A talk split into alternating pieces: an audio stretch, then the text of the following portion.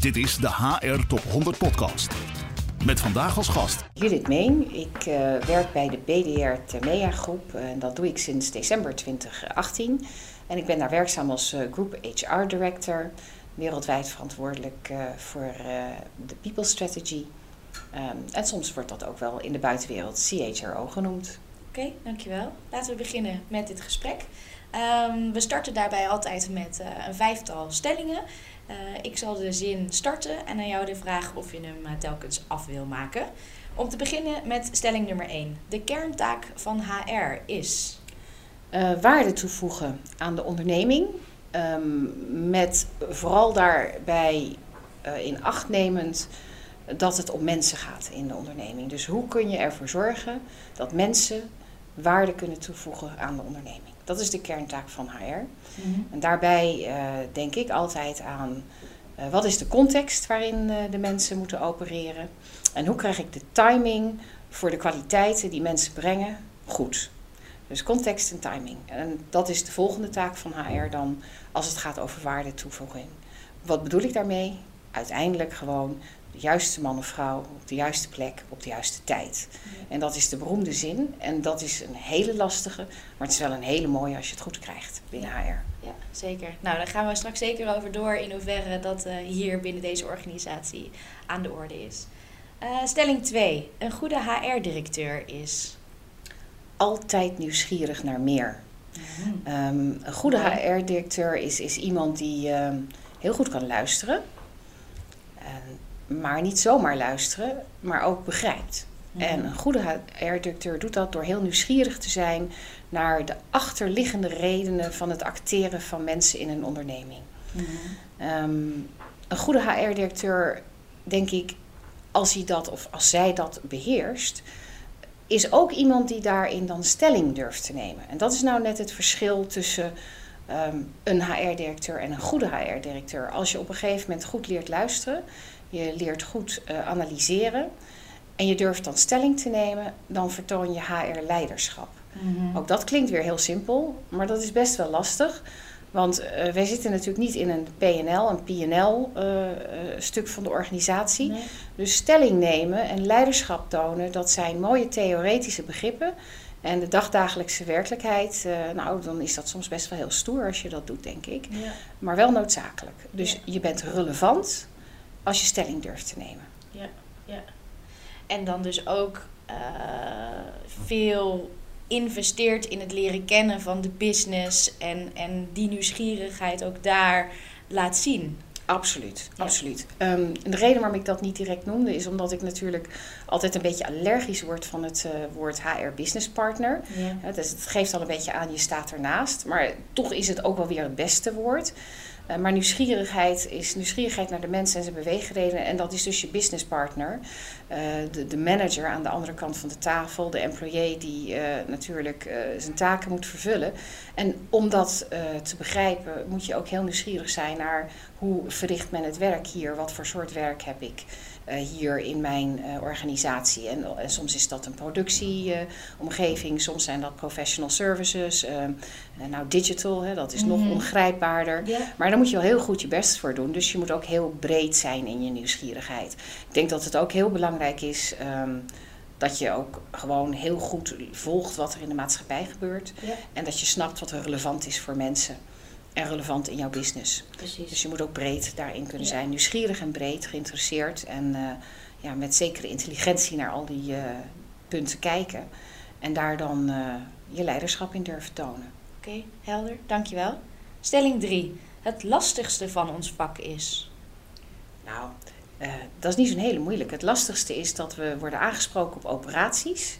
En dat we zelf verwachten dat we strategie vo voeren. en ehm, ja, wat is dan de waarheid? Hè? Nou, de waarheid is natuurlijk dat als je je operaties op orde hebt, dat de strategie vanzelf volgt. Mm. Maar we weten ook dat uh, de waarheid van operaties is, is dat het een hele lastige is. Uh, we praten over back offices, uh, we praten over people services units. En dat klinkt allemaal super mooi. Ehm, maar dat is veel lastiger soms dan als je kijkt naar een IT-helpdesk. Want uh, onze People Services, dat gaat over jou als mens. Mhm. En uh, ja, u bent nummer 7 in de rij van wachtenden. Voelt heel anders als je over je telefoonprobleem belt, als dat het over uh, bijvoorbeeld ja, je pensioen of zo gaat. Hè? Dan, dan zit je daar met nog meer ongeduld op te wachten. En ik denk dat, dat daar die balans in vinden, dat blijft een interessante, ja, een interessante uitdaging binnen het HR-vak. Ik geloof er heel erg in dat je uh, door goede operaties naar strategie komt. Mhm. Maar ik denk ook dat je uit moet kijken dat je niet alleen naar je operaties gaat staren. Want dan sta je een beetje naar je eigen naveltje zo van, uh, nou, ja. uh, gaat het allemaal goed? Ik denk ook dat je wel, en dat gaat weer over dat leiderschap, moet durven die strategie beter te pakken. Ook al zijn je operaties niet altijd op orde. Mhm. En uh, dan moet je ook dat weer heel slim doen, want je moet altijd die operaties op orde hebben die uh, het eerstvolgende in de rij van de HR-processen zijn. Ja. Dus in performance management zorg altijd dat je proces voor de volgende stap op orde is. Ja. Dan kan je ook de strategie pakken. Ga je alles binnen operaties op orde brengen voordat je strategie gaat doen, nou, dan, dat is Paas en Pinkster op één dag. Dat gaat niet gebeuren. Nee, en dan mis je ook de boot ten aanzien van wat er extern gebeurt, de ontwikkelingen daar, trends. Absoluut. Ja, absoluut. Ja, ook, ook dat weer, ja. Dus, uh, dus het is heel belangrijk dat je daarin uh, stelling durft te nemen. En dat je ook weet waarom je stelling neemt op dat moment. Omdat dat voor de business het meest belangrijke punt is op dat moment. En dat, dat, dat kan uh, verschillen van wat belangrijk is in je operaties. Ja de business prioriteit kan anders zijn dan je operationele prioriteit. Ja.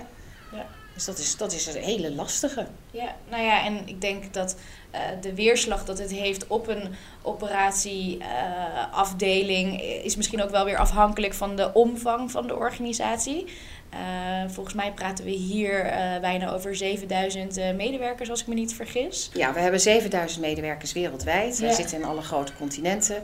We zijn vertegenwoordigd in 104 landen. Ja, we hebben 20 landen waar wij echt ook manufacturing hebben en waar we echt een key aanwezigheid hebben. Dus dat is behoorlijk complex. Ja. En, um, en dat betekent dus ook dat je daar op die manier naar kijkt. En je hebt natuurlijk ook kleinere organisaties. Waarin je ook die operaties wat makkelijker kan beheersen soms. Mm wil niet zeggen dat dat makkelijker is in de relatie, want je hebt ook vaak nog een persoonlijker contact met mensen. En dat geeft weer een andere dynamiek natuurlijk. Daar heb ik ook heel veel respect voor. En ik heb daar ook gezeten bij organisaties waar we praten over duizend man. Mm -hmm. Maar wat het hier natuurlijk uh, behoorlijk uh, complex maakt, is dat je ook over grenzen heen kijkt, over ja. culturen heen. Uh, diversiteit heeft heel veel invalshoeken hier. En dat maakt het extra complex als je tussen operaties en strategie heen beweegt. Want in beide gebieden moet je al die diverse aspecten telkens meewegen. Ja. hoe je acteert en waarom je acteert binnen het HR-vak. Ja. En je krijgt ook dingen gewoon minder snel gedaan. Hè? Alleen al tijdsverschil. Er zijn gewoon een aantal geografische belemmeringen. Ja. En, en, ook daar moet je pragmatisch dan weer in staan. Mm. Dus, dus ja, er zijn een hoop mooie uitdagingen ja. als je dat zo bekijkt. Maar ik denk een stukje gezond verstand, uh, waar je ook zit, hoe groot je organisatie ook is.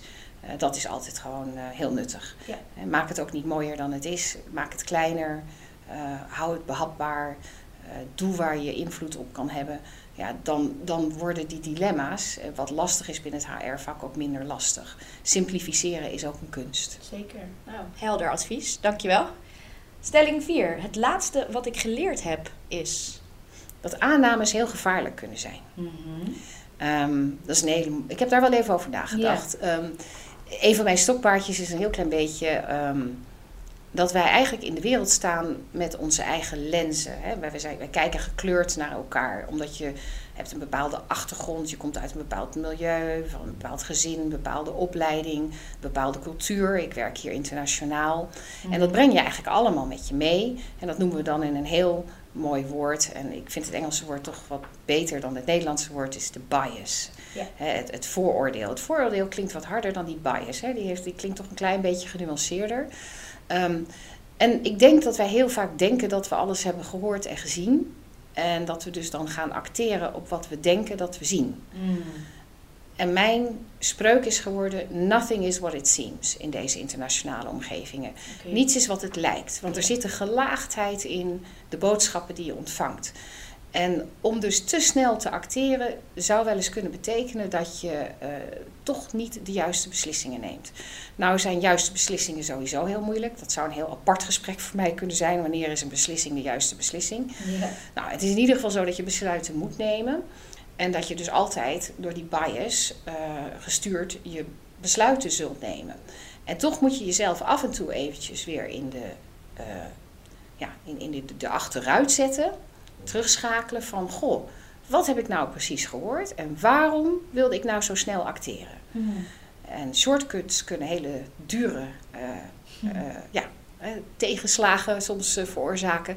En wat bedoel ik daar nou precies mee? Um, als je in een ander land bijvoorbeeld met iemand praat en die vertelt jou iets wat ze heel erg goed vinden, dan zou je kunnen aannemen, nou, dan ga ik dat nog vaker doen. Maar je moet dat in de context van dat land zien. Het zou ook wel eens kunnen zijn dat daar een hele grote beleefdheid achter zat. Ja. En dat misschien eigenlijk de boodschap was, door het compliment te geven aan je, dat ze er eigenlijk niet zo blij mee zijn. Mhm. En dat zijn dan die aannames. Als je, hè, wij hebben in Nederland heel erg een cultuur van laten we direct zijn, ik uh, geloof wat je zegt. En dan ga je nou, naar Italië of Turkije of een ander land. Moet je misschien toch eventjes uh, een stapje terug doen. Ja. Nou, dat, dat is wat ik het laatst weer geleerd heb, dat wij soms uh, te snel oordelen. En guess what, daar heb je in HR net zoveel last van als elke manager of elke medewerker. Exact. En in ons vak is het alleen zaak dat we er goed over nadenken dat we het hebben. Ja. Nou ja, en dus dat je ook die nieuwsgierigheid houdt. Want eigenlijk ligt het heel mooi in lijn met wat je eerder aangaf. Uh, dat dat uh, maar door blijven vragen en, en je realiseren uh, dat, dat nieuwsgierigheid nodig is om soms tot de kern te komen, ja, ligt hier mooi van in het verlengde. Dat is zeker het geval. Dat is de congruentie eigenlijk. Hè. De nieuwsgierigheid gaat hand in hand uh, met, met de bias. Hè. En de bias kan je onder controle krijgen door nieuwsgierig te blijven. Als je het jezelf gewoon als doelstelling uh, geeft, dan is het mooie nieuws van vandaag voor mij weer dat je dat kan oefenen. Het is gewoon ook wel iets wat je kan leren, een stukje. Ja. En oefening baart kunst. Het is het bouwen van een spier. En ik noem het de nieuwsgierigheidsspier. en soms is het lastig. Soms is het makkelijker. En als het lastig is, dan moet je er weer eventjes hard aan werken door jezelf gewoon de doelstelling te geven. Laat ik vandaag eens even achterover gaan zitten en weer eens veel vragen gaan stellen. Zo bazaal kan je het ook weer maken. Ja, ja. Nou, en zit die spier dan meer bij het hart of bij het hoofd? Ik denk um, dat, dat het altijd een combinatie is. Mhm. Ehm, en ik denk wat jij meer probeert te vragen, dat heeft ook een klein stukje te maken met intuïtie. Hè? Hoeveel intuïtie gebruik je versus hoeveel datapunten probeer je op te halen. Mm HR ehm, is wel het vak van de intuïtie. En tegelijkertijd heb ik net aangegeven dat als je te kort door de bocht gaat op je intuïtie, dat ook soms hele mooie kansen, dat die daardoor niet worden opgepakt bijvoorbeeld. Ja. Dus ik denk uh, dat, dat het toch ook een stukje verstand is. Ja. En dat wij graag in HR met onze intuïtie werken. En ik wil hem niet uitschakelen, uh, maar ik wil hem wel in balans houden. Ja. Oké, helder. We zijn alweer bij de laatste stelling. Werken gaat in essentie over geluk, levensgeluk mhm. en purpose. Het mooie Engelse woord komt daar weer. Ja. Um, ik denk dat het voor iedereen belangrijk is dat je opstaat s ochtends en dat je weet uh, wat je doelstellingen zijn. Dat je weet dat je kansen hebt die dag. Dat je weet dat je kansen hebt in je leven. Dat je er iets van mag maken. En voor mij gaat werken over, over levensgeluk een stukje. En purpose gaat over als datgene wat je belangrijk vindt en wat er op je werk gebeurt samenkomt. Mm. Dat is purpose vinden. Dat, dat is nog mooier. Um, nou, en dat gun ik iedereen natuurlijk. En daarom zit ik ook in dit, uh, in dit vak. Want als purpose en levensgeluk samenkomen, dan krijg je een situatie waarin de mens uh, succes ervaart. En uh, nou ja, Bevlogenheid. Bevlogenheid en, en enthousiasme, Passie. energie. Al die mooie woorden komen dan los. En dat zijn de spaarzame momenten. Maar ze zijn wel prachtig als het in een organisatie ontstaat. Ja, oké. Okay. Dankjewel. Um, ja, je bent dus zelf hier bijna één jaar uh, werkzaam. Uh, kan je vertellen wat er het afgelopen jaar zich allemaal heeft afgespeeld?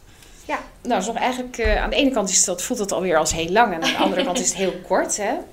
Ehm, maar wat voornamelijk uh, de opdracht was toen ik hier kwam een jaar geleden is... Um, de BDR Termea groep is wat mij betreft een parel in, een verborgen parel in de Nederlandse economie. Mm-hmm. Want wij zitten in de heating en cooling uh, oplossingen. En dat okay. is zijn, in Nederland staan wij bekend met de Remea ketels. Mm-hmm. Dat soort merken hebben wij wereldwijd. En de groep bestaat een jaar of tien inmiddels. Okay. En wat wij zien is dat wij in de derde positie zitten wereldwijd qua boilers. Dus dat is ook best wel een, een grote industrie. En dat wij denken in uh, Nederland en andere landen dat uh, de CO2-uitstoot ook door dingen als auto's heel erg bepaald worden. En als je die vraag stelt, is het altijd leuke vraag. Hè? En een quizvraag van wat beïnvloedt nou CO2-uitstoot het meeste? Um, en dan zie je dat heating en cooling 30% beïnvloedt. Dus uh, er is hier een enorme maatschappelijke relevantie in dit bedrijf. Ja. En ik denk dat wij uh, ja, hele mooie dingen kunnen doen in die energietransitie. Mm -hmm. Want waar gaat het bedrijf over? Uh, het gaat over uh, heating en cooling, maar het gaat ook over innovatie. Het gaat ook over um, wat gebeurt er in de energietransitie die steeds sneller gaat. Mm-hmm. Wat betekent het nou dat we digital gaan? Wat zijn nou de, de connectivity um, oplossingen die wij kunnen bieden? Yeah. Uh, hoe beïnvloed je daarmee in het westen van Europa de vraagstukken die wij vanuit de maatschappelijke kant van de maatschappij proberen te adresseren? Um, je, je ziet ook dat buiten Europa die vraagstukken voor ons bedrijf heel anders zijn. Okay. Wat je daar ziet is uh, China, groei.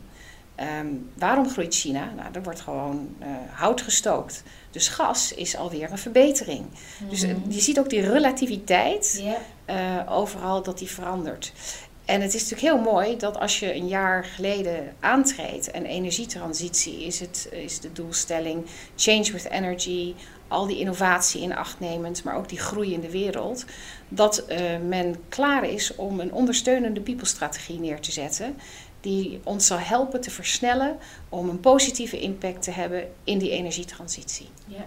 ja. En uh, mijn, mijn eerste uh, taak was change management, leiderschap en interne communicatie. Oké. Okay. En daar ben ik mee van start gegaan. Ja. En wat is daar dan nu de status van? Nou, we hebben inmiddels uh, in uh, april, mei de People-strategie uh, met de board samen bepaald. Mm -hmm. ook de, de Supervisory Board heeft daar naar gekeken. Yeah. wij zijn bevoorrecht dat wij als shareholder een stichting hebben, okay. een foundation. En uh, dat is ook belangrijk om te noemen, vind ik, omdat je daarmee merkt dat je ook de kans krijgt om een sustainable, een duurzaam beleid neer te zetten. Je wordt iets minder door de, uh, ja, de grilligheid van de stock exchange natuurlijk beïnvloed. Ja. Hè. Je hebt een -hmm. ander soort shareholder systeem. Het is ook weer anders dan private equity. Ja. Um, en de doelstellingen daar zijn uh, goed werkgeverschap. Dat is heel mooi. Dat is ontstaan uit uh, Remea, de Remea Foundation. En um, dat betekent ook dat die strategie die we hebben bepaald niet een strategie is die direct uh, alles op zijn kop zet, maar een strategie die echt drie jaar lang gaat helpen om mensen klaar te stomen voor de toekomst. Ja. Dus uh, we hebben die hele strategie mogen bepalen en die bestaat eigenlijk uit vier key competenties: okay. grow, collaborate, uh, deliver en innovate. Mm -hmm. Grow our people to grow the energy transition, hè, to, to grow faster, okay. de market share. Mm-hmm. Um, dus intern en extern gericht. Um, collaborate internally. Want wij zijn natuurlijk gegroeid door heel veel acquisities. We zijn heel snel gegroeid yeah. in de afgelopen tien jaar. Zo is de groep ontstaan. Maar ook extern gericht, collaborate met je externe partners. Dat zijn bij ons de installateurs van uh, de boilers, mm-hmm. de ketels gewoon. Um, en tegelijkertijd moeten wij ook leren samenwerken met nieuwe partners, want het gaat over connectivity. Dus een heel belangrijke competentie die wij uh, ook weer moeten gaan ontwikkelen. En niet zomaar ontwikkelen, daar moeten wij experts in worden. En dan natuurlijk met respect voor al het harde werk wat mensen doen. Deliver to your colleagues uh, on the internal promises. We hebben interne operaties die samenwerken met elkaar over landen heen. Maar ook deliver naar je klant. Want uh, als je vandaag niet levert, dan uh, ben je zo goed als je laatste levering. Dus dat delivery mag je nooit vergeten, want dat is je license to operate naar de innovation. En dat is de vierde competentie. En die competentie, uh, dat betekent eigenlijk dat wij met heel veel trots dit jaar de eerste hydrogen boiler ter wereld hebben gelanceerd hier in Nederland, opgewekt door schone energie. Dus het is mogelijk. Ja. En dat is natuurlijk prachtig en dat gaat verder dan elektriciteit. Dat is ook een heel belangrijk item. En als ik dan intern kijk wat innovatie betekent, dan zeg ik wel degelijk dat betekent uh, het binnenbrengen van nieuwe mensen vanuit de buitenwereld. Dus aan de mhm. ene kant had je grow en aan de andere kant had je innovate. Dus echt goed over nagedacht waarom we dit neerzetten. Ja. Ehm, en daaronder hebben wij zes academies. En die academies die vervangen eigenlijk alle centers of expertise. Oké. En waarom academies? Omdat uh, academies die hebben wij gedefinieerd als ehm, flexibele toolkits die focussen op drie building blocks: me, team en organization. Er zit altijd iets in dat gaat over de mens zelf. Ja. Wat moet jij kunnen? Wat moet jij kunnen beïnvloeden? Wat moet je doen met je team en voor je team? En hoe beïnvloedt dat de cultuur van de organisatie? Ja. Omdat de organisatie als geheel op zoek is naar die versnelling. Die versnelling om het juiste te doen in dit tijdperk van uitdagingen van digitalisering, connectivity en energy transition. Ja. En um, wij hebben die academies uh, op leiderschap uh, zijn, we, zijn we gestart. We zijn ze gestart op functioneel leiderschap. Dus mm -hmm. uh, daar kijk je echt ook naar diepe skills van mensen, technische skills. je kijkt bijvoorbeeld naar Marketing Academy. Um, wat is strategic marketing bij ons? Maar je kijkt ook naar product management in marketing. Dus hoe breng je het product, hoe vertaal je het product tussen de eindklant jij en ik thuis, als we naar onze boiler kijken, de installer en, ehm, en eigenlijk de research and development afdeling. Mhm. Hoe vertaal je dat? Nou, ook in die academy gaan we weer de diepte in. En dat doen we op die drie niveaus. Dus we accepteren ook, wij zijn een technisch bedrijf. We gaan ook heel veel doen aan technisch leiderschap en technisch skillsontwikkeling. En last but not least, we zitten natuurlijk in die transitie. Dus we hebben ook een Change Management Academy. Ja. En we hebben ook een interne communicatie academy. Want uh, een van de grootste dingen in change die lastig is, is communiceren, is praten. Ja. En we vergeten heel vaak, omdat we heel graag snel willen gaan, dat je soms ook even terug moet leunen en dat je mensen mee moet nemen in je verhaal. Dus daar hebben wij echt ook een spotlight op gezet. Nou, ik vind dat heel speciaal. En eigenlijk is dat alle learning en development die we doen. Alleen we hebben er geen center of expertise van gemaakt. Nee. We hebben dat uh, op een andere manier ingericht. Die strategie is nu live en dat zijn eigenlijk de radartjes in ons systeem om de cultuur naar de het volgende niveau te brengen. Ja. Het niveau van het groepsdenken van BDR Termea Groep. Ja. ja, echt naar een next level gebracht. Want eigenlijk, zoals het klinkt, heb je daar een hele nieuwe structuur neergezet. Ja, we zijn heel hard aan het bouwen. Uh, we hebben de structuur geïnitieerd. Uh, de eerste academy die uh, begint nu tractie te krijgen. Aha. De Leiderschapsacademy. We hebben ook gezegd, je hoeft niet alles tegelijk te starten. Dus we zijn ook agile met die academies aan de gang gegaan. Dus we pakken soms een stukje me in een academy vast. Soms pakken we een stukje team vast. En dan bouwen we de rest eromheen. Die academies die laten we ook van elkaar leren. Mm -hmm. Dus we zorgen ook dat we daar agile in zijn. En dat we luisteren naar de prioriteit van de business. Dan gaan we helemaal terug naar het begin van het gesprek. Waar ik zei van je moet eigenlijk altijd durven acteren strategisch op wat van belang is uh, voor de prioriteiten in de business. Ja. En dat proberen we met die academies heel duidelijk te adresseren en daar een mooi frame omheen te zetten. En waarom doe je dat dan allemaal? Om het duurzaam te maken. Als je het niet ergens vastlegt en het niet vindbaar maakt voor mensen, ja, dan kan het ook niet duurzaam zijn. Dan is het, vorige week hadden we een leuke training en ik heb heel veel geleerd. En morgen zijn we het vergeten. Mhm. Dus dat, dat Academy-denken heeft ook heel veel inzicht van een duurzame benadering. Ja, klopt. Het is een soort van continu lerende ja. organisatie. Ja. ja. Ja. het is geen statisch proces. Het is iets wat uh, continu uh, ja, doorloopt. Ja, ja mooie, mooie benadering. Ja. Um, en betekent dat dan dat er dan ook ja, zes hoofden van die academies eh, aan jou rapporteren? Of, of hoe moet ik de structuur van HR daarin zien? Dat is een hele andere structuur. Ik, uh, ik volg mijn eigen evangelie daar uh, in het functionele leiderschap. Ik, die functionele academies, op het eerste niveau zeg ik ook in organisatie, moeten die functionele leiders een community bij elkaar brengen. En omdat wij overal in de wereld zitten, heb je allerlei verschillende rapportagelijnen. We zijn mm -hmm. natuurlijk wel met een target operating model bezig. Maar dat is niet relevant. De prioriteit van wat we moeten doen, namelijk het versnellen van onze businessresultaten, dat is veel belangrijker. En dat doe je door mensen samen te brengen en mensen samen te laten werken. die skill, die competentie die ik ook heb benadrukt. Dus binnen HR, wat ik heb gedaan, is een community bij elkaar gebracht van HR-directeuren die overal ter wereld zitten. Mm Goede professionals, er zitten ook veel nieuwe mensen in. Ik heb ook daar innovation gehad.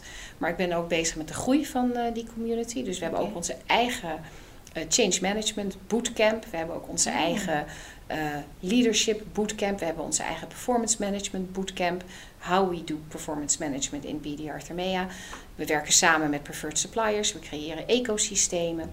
Dus ik heb niet mensen op die academies gezet. Ik heb uh, communities gebouwd die eigenaarschap nemen van die academies. Ja. Dus dat kunnen uh, directeuren zijn in de business. Die zijn eigenaar van business academies. En die worden gefaciliteerd door HR business partners. Ja, ja. oké, okay, helder. Alright. Um, en uh, nou ja, uh, sommige uh, van die academies, dat, ja, die dienen dus zeg maar als een soort van rolmodel. Ja. Um, wat kan je aangeven dat er dan voor 2020 staat te gebeuren?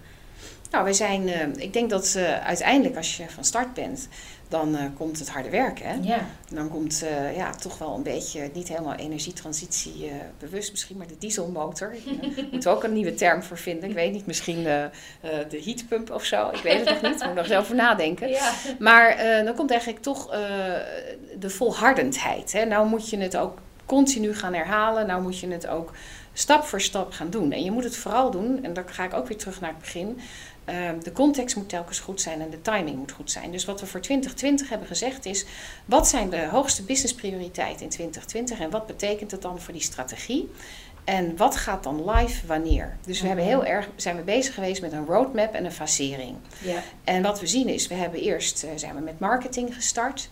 En nu pakken we sales op. Want market share, het groeien van market share gaat over sales. Dus nu ga ik met de COO aan tafel. En gaan wij samen kijken van wat betekent dat wereldwijd, maar wat betekent dat ook decentraal in de landen en wat betekent dat voor de kwaliteiten. Dus dan plan je de Sales Academy. Uh, vervolgens ga je eigenlijk door en ga je kijken naar de tweede business prioriteit. En dan zeg je oké, digital en connectivity. En waar zit dat dan? Wat moet je mhm. daar dan aan doen? Nou, daar stoppen we ook een stukje van digital en connectivity in de Leiderschapsacademy. Want dat is waarschijnlijk een skill. Die zit niet alleen maar bijvoorbeeld bij IT, of hij zit niet alleen maar bij marketing en hij zit ook niet alleen maar bij research and development. We of zullen, bij HR operations. Of bij, of bij HR operations. Hij zit eigenlijk misschien wel bij iedereen. Dus misschien moet je wel aan de top beginnen. En misschien moet je wel iets doen over uh, leiding geven in het digitale tijdperk. Aha.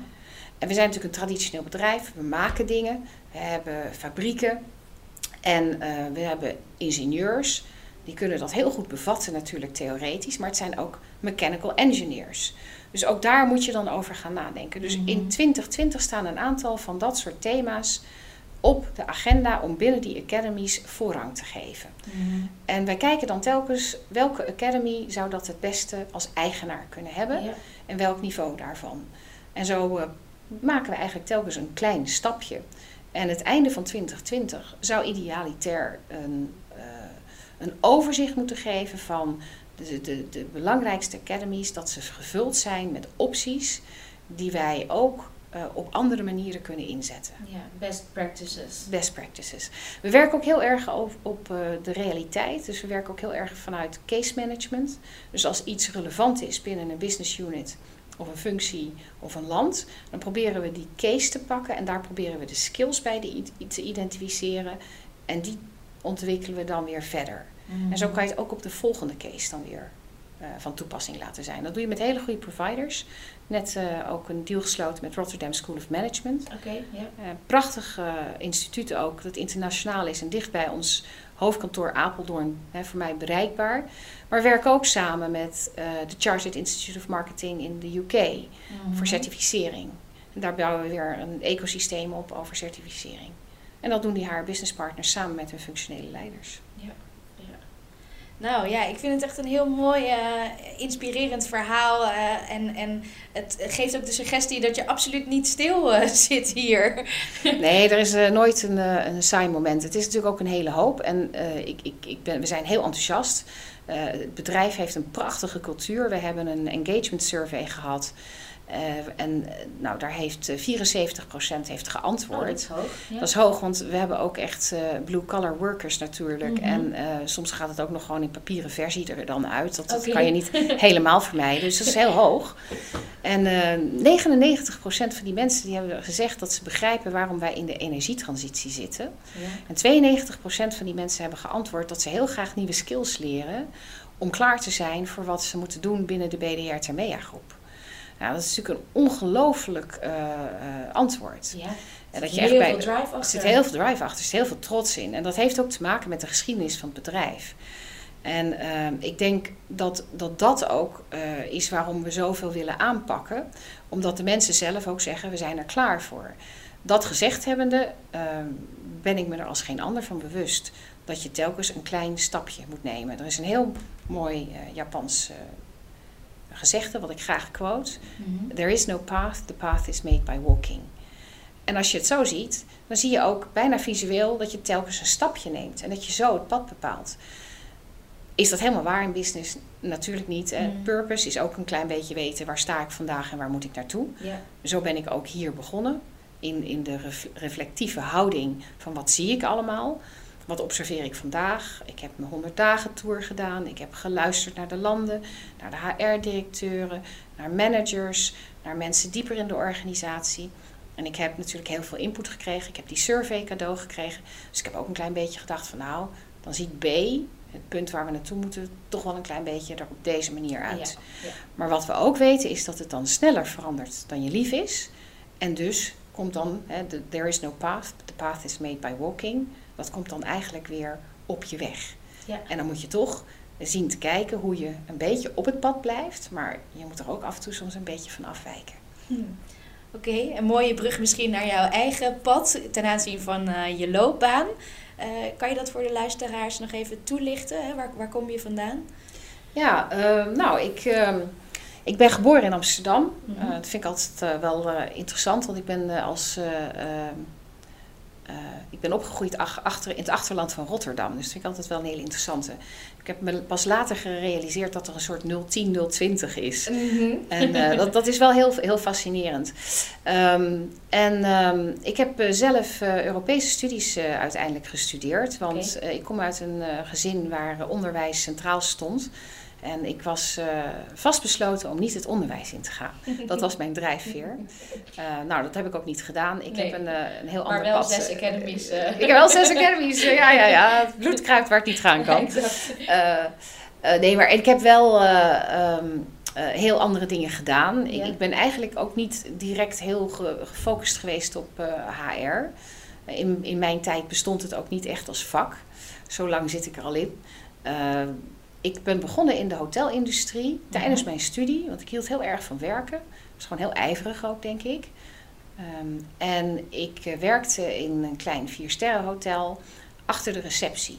En daar heb ik eh, geleerd wat sales betekent. Mhm. En customer service en customer experience en centricity. En binnen no time eh, leidde ik de recepties. En binnen no time had ik sales onder me en deed ik marketing enzovoort. Een hartstikke mooie business, ontzettend veel geleerd. Ja. Ehm, en toen dacht ik, ja, ik moet afstuderen. Hè? Want ik ben ook een beetje van eh, wat je start moet je afmaken. Want ik kom uit dat gezin van die onderwijzers. Die zeggen van, eh, ja, je moet je diploma wel halen. Mhm. Dus eh, ik ben naar Noorwegen getrokken, getrouwd, afgestudeerd, Noors geleerd. En wat denk je? Voor de klas geëindigd. Want ja, ik kon makkelijk een work permit krijgen in Noorwegen als ik eh, les ging geven. En stilzitten, dat eh, is niet mijn ding. Dus ik heb eh, acht jaar in het internationale onderwijs doorgebracht. De wereld gezien en gereisd met gezin. Heel verrijkend. Papua Nieuw-Guinea, Roemenië, ehm, eh, Noorwegen. Eh, ik heb daarvoor nog in Amerika gewoond, als kind in Taiwan.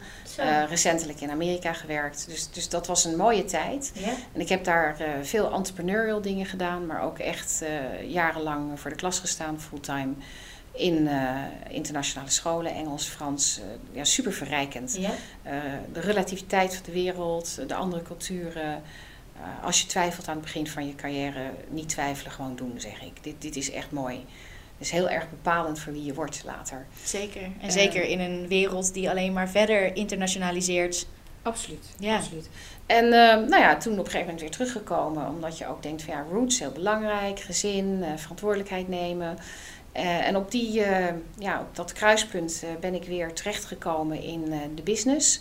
En heb ik voor wat kleine bedrijven gewerkt in eindverantwoordelijke PL-posities, trainingsinstituten, eh detacheringswerkzaamheden.